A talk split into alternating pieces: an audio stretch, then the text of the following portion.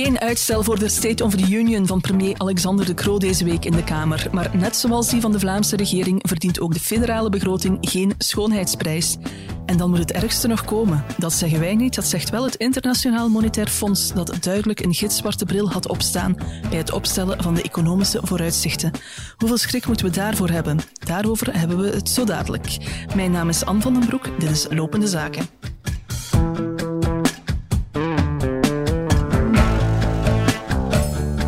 Lopende Zaken. Een podcast van de morgen.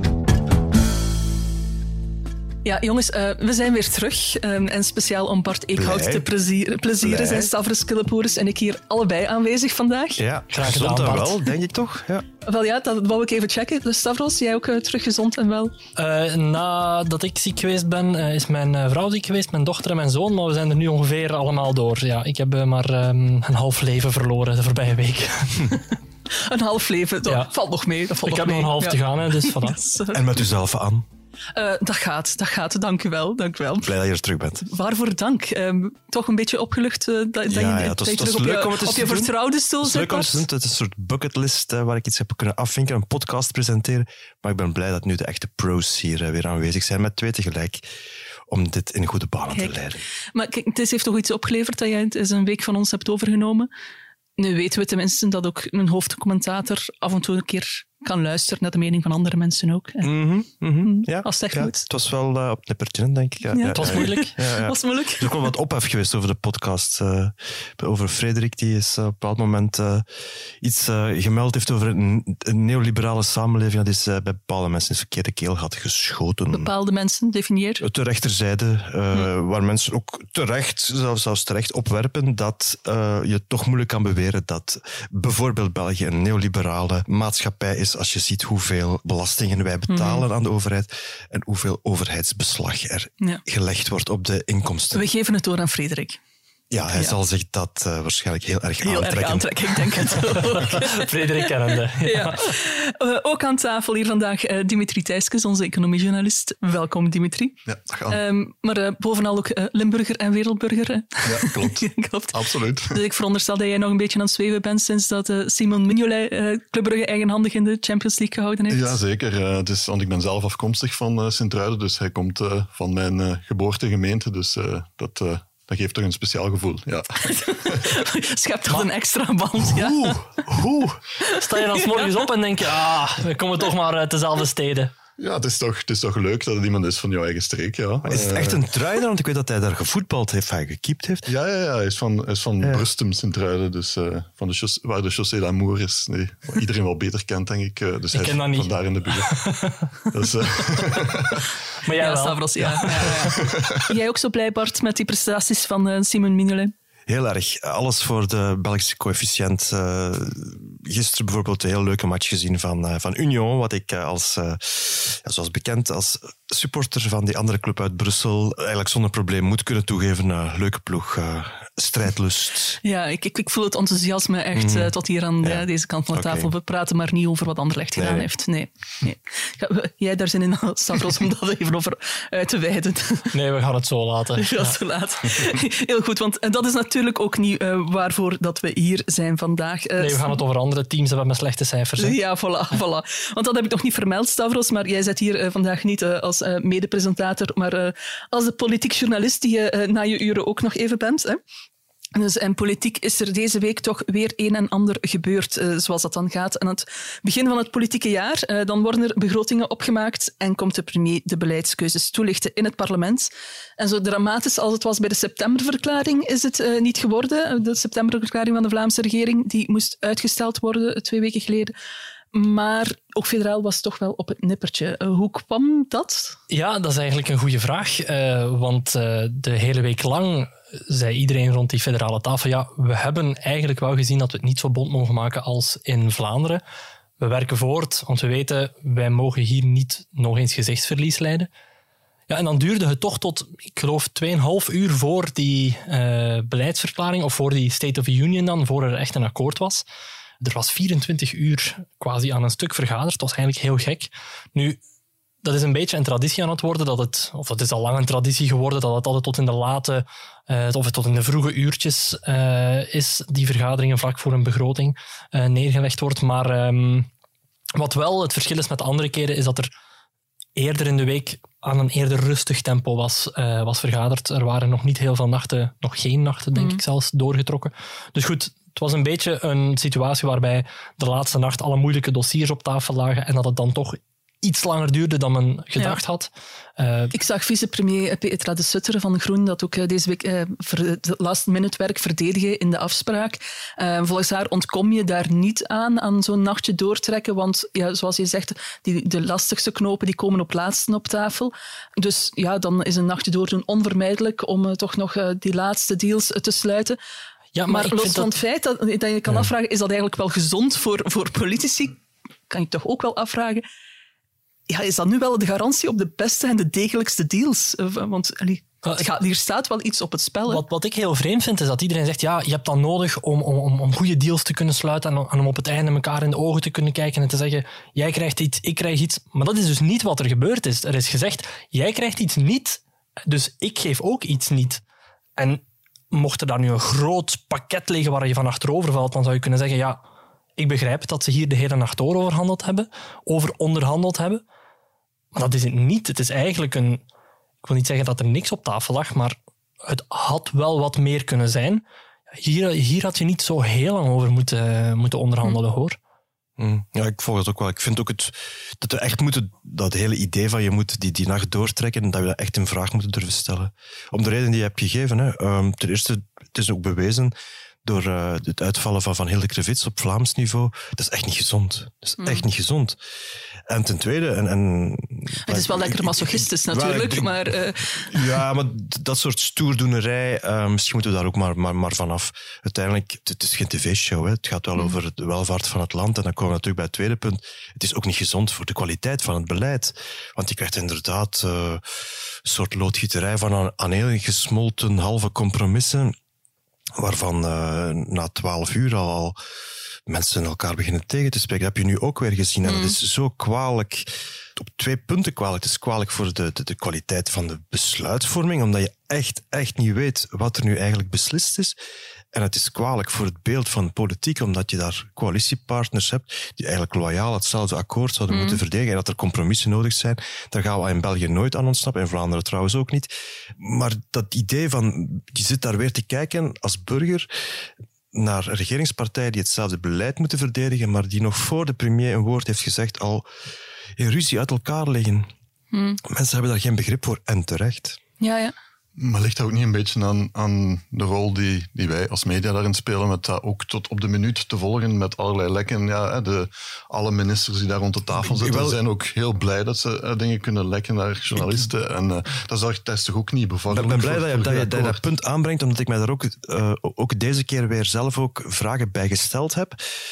Maar wat je nu ziet in de praktijk is, nog voordat wij aan ons bureau, aan ons klavier zitten, worden er al via sociale media uh, uh, pancartes verspreid die echt klaarstaan. Echt, je wordt echt gebombardeerd. Niet door uh, partijen die het gehele akkoord verdedigen, maar die daar bepaalde punten uitlichten. Vaak ook punten die misschien voor de tegenstander lastig liggen. Ik herinner mij een aantal pancartes van Groen die heel trots uitpakten met het, het wegvallen van de, de, de fiscale voordeel voor het tweede verblijf. Ja. Oké, ja. Leuk, goed, fijn dat dat er is.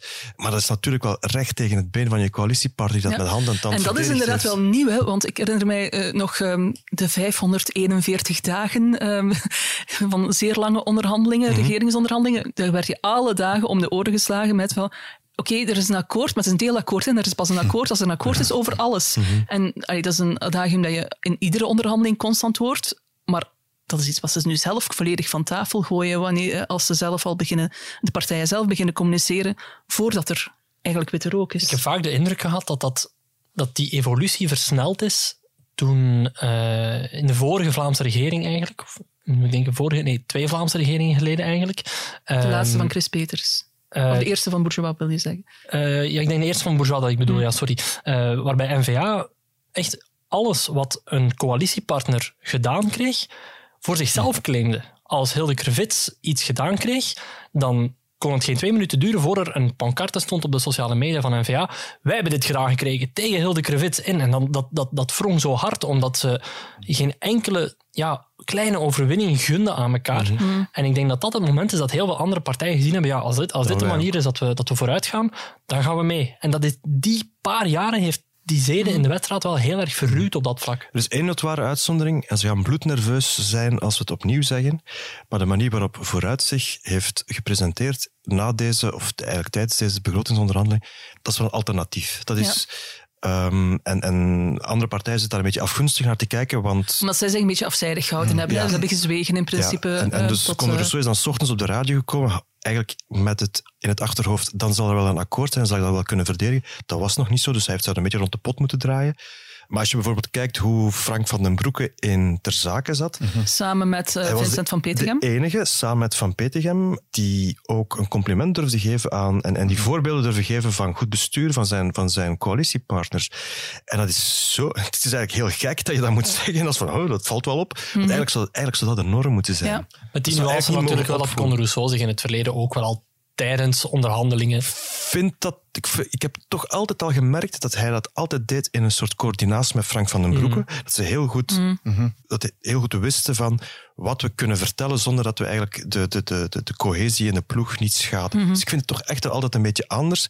En ik wil er toch ook aan toevoegen, peilingen zijn maar peilingen, maar je ziet wel dat er een zekere waardering is voor de manier waarop die partij op dit moment aan politiek aan het doen is. En enfin, we moeten, ik, ik wil hier absoluut niet de fanboy zijn van, van, van Vooruit of van Conor Rousseau. We kunnen een hele podcast vullen met kritiek. Maar op dit punt, als het gaat over een soort, pff, hoe moet je dat noemen, discipline, ehm, keurigheid in, in, in hoe je met je partners omgaat, vind ik wel dat we mogen ook zeggen als journalisten van, dat is interessant, zij doen het anders. Maar ligt dan niet die populariteit ook van, van vooruit in de peilingen aan ja, de persoon van Conor Rousseau zelf en niet zozeer aan eh, het, het feit op Ja, de manier waarop hij aan politiek Tuurlijk, doet? het is, het is altijd een, een, een, een, een, een samengaan van verschillende. Wat Conor Rousseau heel goed doet, is via ook die sociale media echt specifiek het contact zoeken met groepen die minder geïnteresseerd zijn in politiek, die eigenlijk een beetje afgehaakt zijn. Jongeren, die spreekt hij eigenlijk op een apolitieke manier aan.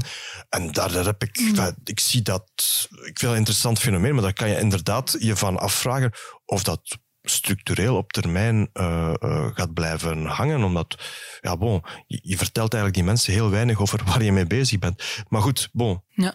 Zeg, eh, laten we eens ook eens kijken naar de inhoud. hè. Bart, jij was heel snel met de analyse ehm, dinsdag na de State of the Union. ehm, dat, Dat is geen hele nacht gewerkt. Je had er niet veel tijd voor nodig om die conclusie te trekken. dat de regering haar ambitie om het land te hervormen helemaal heeft opgeborgen.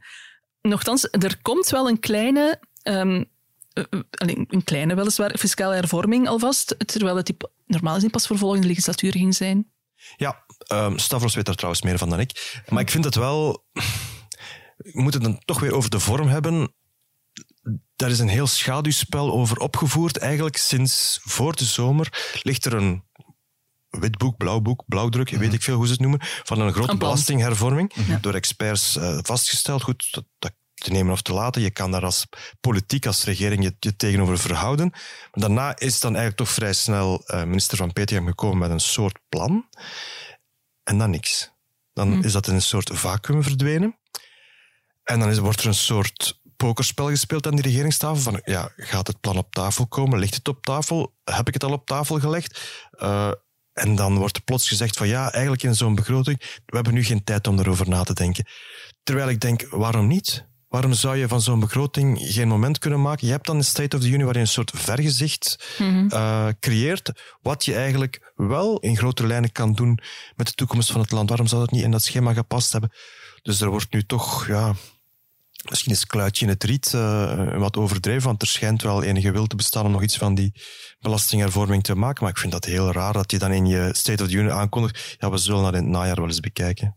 Vincent van Petegem gaat heel kwaad worden als ik dit zeg. eh, maar ik heb toch mijn twijfels bij de haalbaarheid van die, van die fiscale hervorming. Het is één ding om nu, wat nu gebeurd is, hè, af te spreken dat die er zou komen en dat er werk van zou gemaakt worden. Maar als je de, de notificaties, de officiële regeringsbeslissingen bekijkt, daar staat niks concreets in. Er staat daar iets in van een grote orde waarin het, waarin het minimaal moet liggen. Eh, maar Vincent van Petegem wil een heel stuk hoger mikken.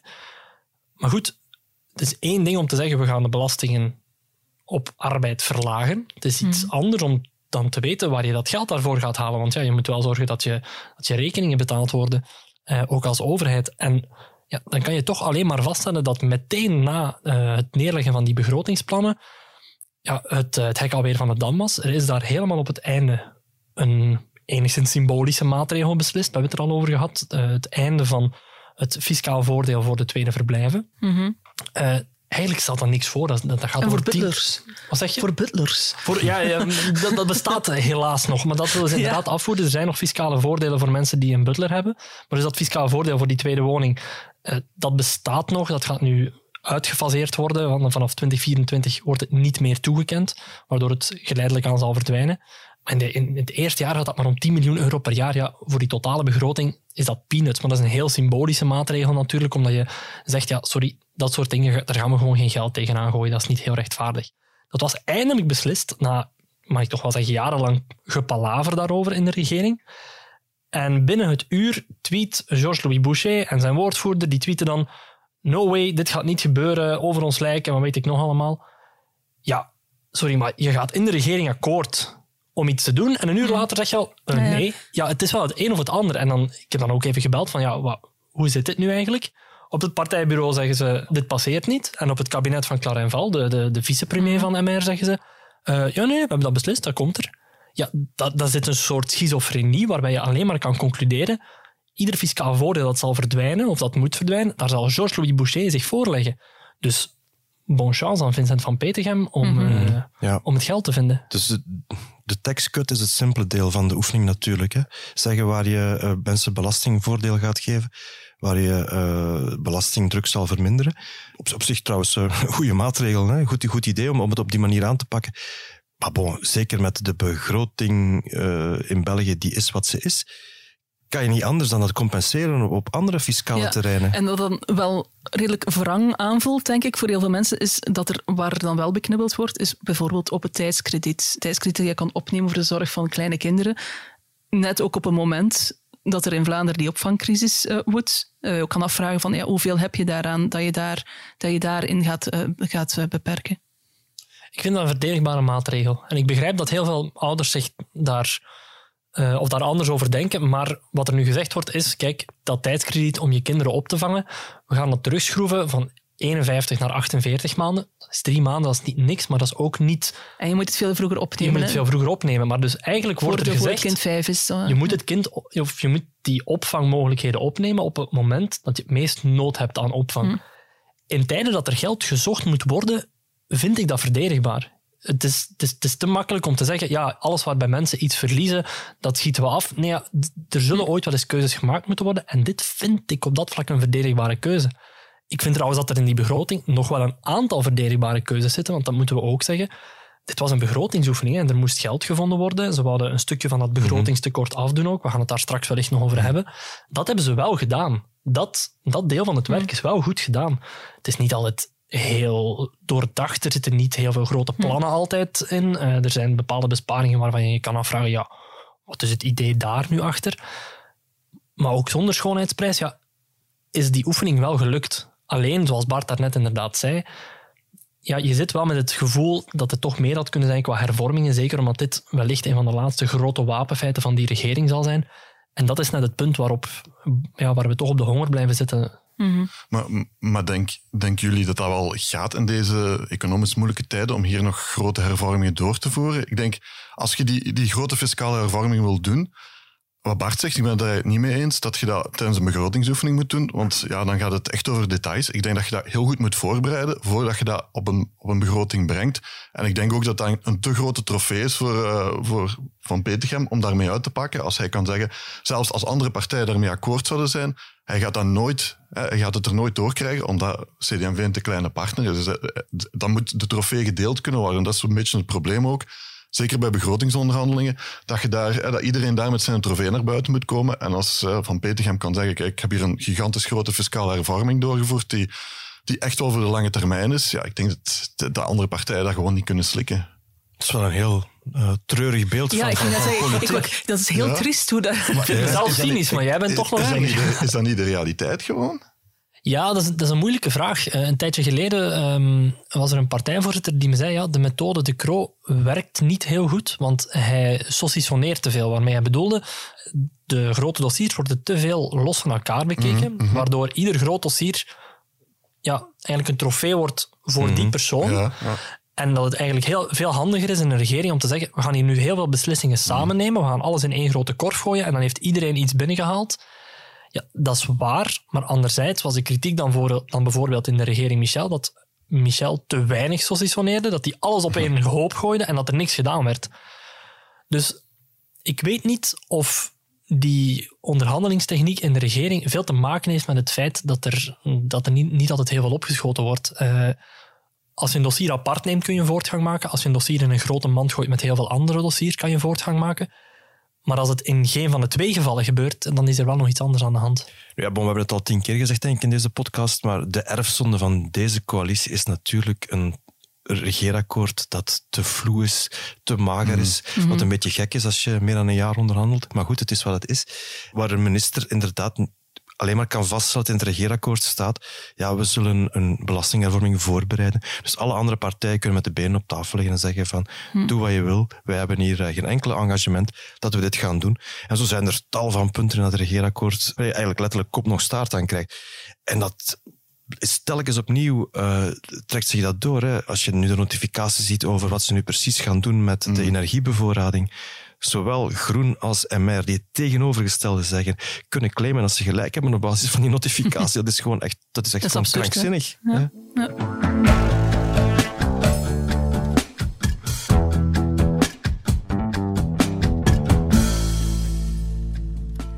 The global economy continues to face steep challenges shaped by three powerful forces the Russian invasion of Ukraine the cost of living crisis caused by persistent and broadening inflation pressures, and the slowdown in China. 2023 slowdown will be broad based, with countries accounting for a third of the global economy expected to contract this year or next. The three largest economies, the United States, China, and the euro area, will continue to stall. In short, the worst is yet to come And for many people, 2023 will feel like a recession.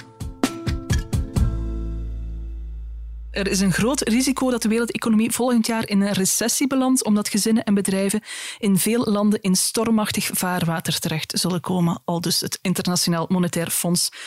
Eh, Dimitri, leg eens uit, wat heeft het IMF nu eigenlijk juist gezegd?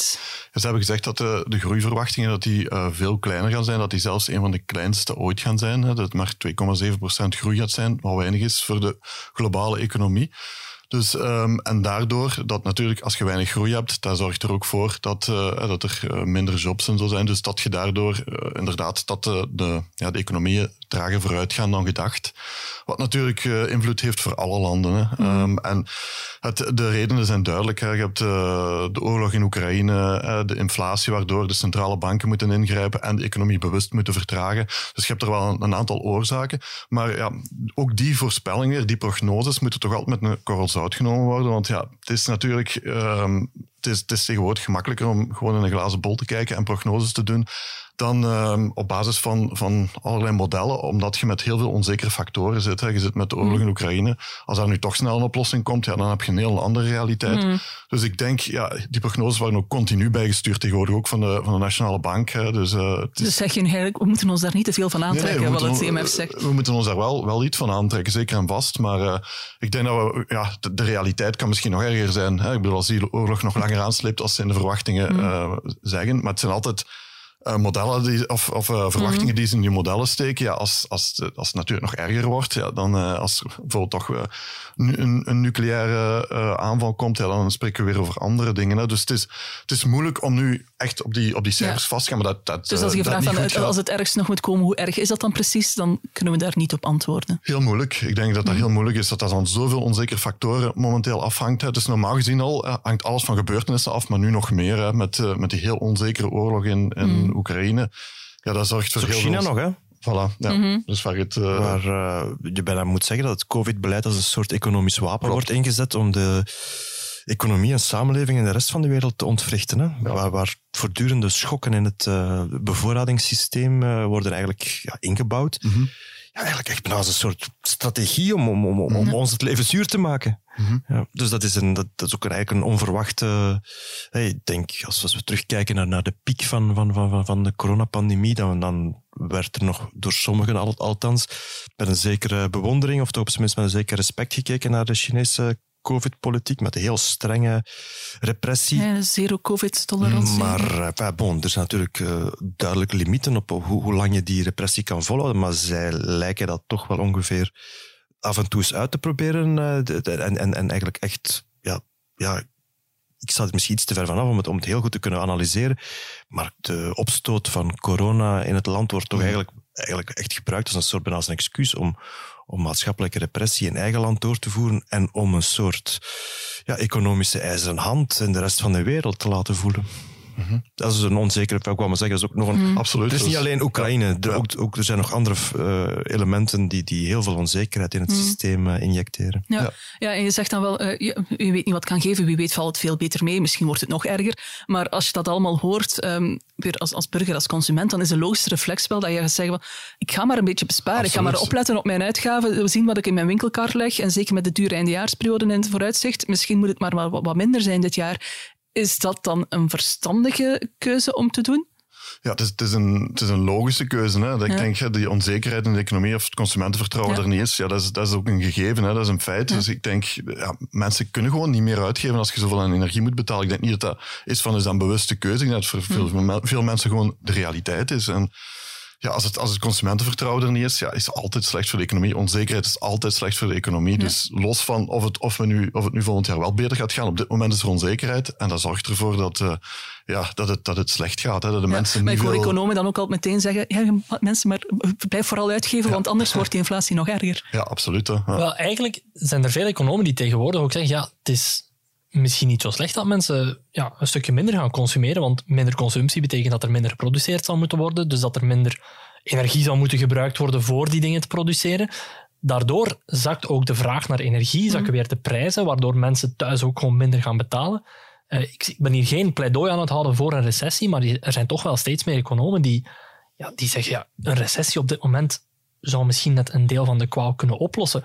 Ja. Natuurlijk in het idee dat het geen recessie is waarbij je vijf jaar lang door hele diepe krochten moet. Hè. Voilà, het is eigenlijk een, shock die je dan geeft aan een economie en dan hoop je dat je er sneller van afzijt. Maar ja, de, heel, de zekerheid heb je daar ook niet over dat het dan kort gaat duren. Nee, hè. Dus je bij weet, COVID je, dachten we ook dat het herstel snel zou gebeuren en dat uh, ja, was uh, niet het geval. Ja, inderdaad. Dus, uh, dus da daar is altijd onzekerheid over. De, ja, de, inderdaad, ja. het is wel even beter gegaan, hè, maar, maar daarna is het toch weer uh, met de, de, aanvoerketens die dan toch weer verstoord waren, is het dan toch weer moeilijker gegaan. Maar ik denk uh, dat er zijn altijd heel veel onzekere factoren in, in al die economische modellen. En nu, ik zeg, hoe meer onzekerheid dat je in de economie hebt, ja, hoe meer dat economen ook van mening verschillen over wat nu de beste remedie is. Hè. Dus, Want als ik het goed voor heb, de cijfers die het IMF voorlegde, die weken wel heel sterk af van, van de, de groeiprognoses van de Nationale Bank. Hè?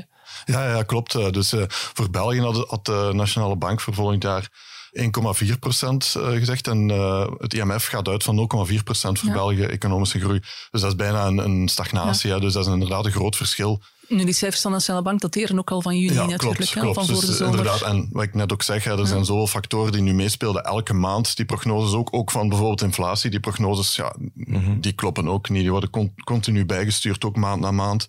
Dus je merkt inderdaad dat er zoveel onzekerheid in is in die economie, dat ja, die cijfers op zich uh, niet zoveel uitmaken in die zin, maar wel dat we, dat we weten, er komt, er, het gaat niet goed gaan hè, de, de mm. volgende maand, of het gaat moeilijk worden. Uh, en dan grijp ik nog even terug waar we het net over hadden. Als je dit in het achterhoofd hebt, oké, okay, die prognose van uh, het IMF kwam eigenlijk op hetzelfde moment als dat de State of the Union werd uitgesproken, mm. maar dat die niet lila rozen zou kleuren, uh, dat wisten we wel. Mm. Um, met dat in het achterhoofd hadden we dan toch niet wat meer mogen verwachten van uh, die begroting van die State of the Union, dat er meer ingrijpende beleidskeuzes zouden gemaakt worden, dat er toch hervormingen zouden op tafel komen. Maar, maar wat hadden we...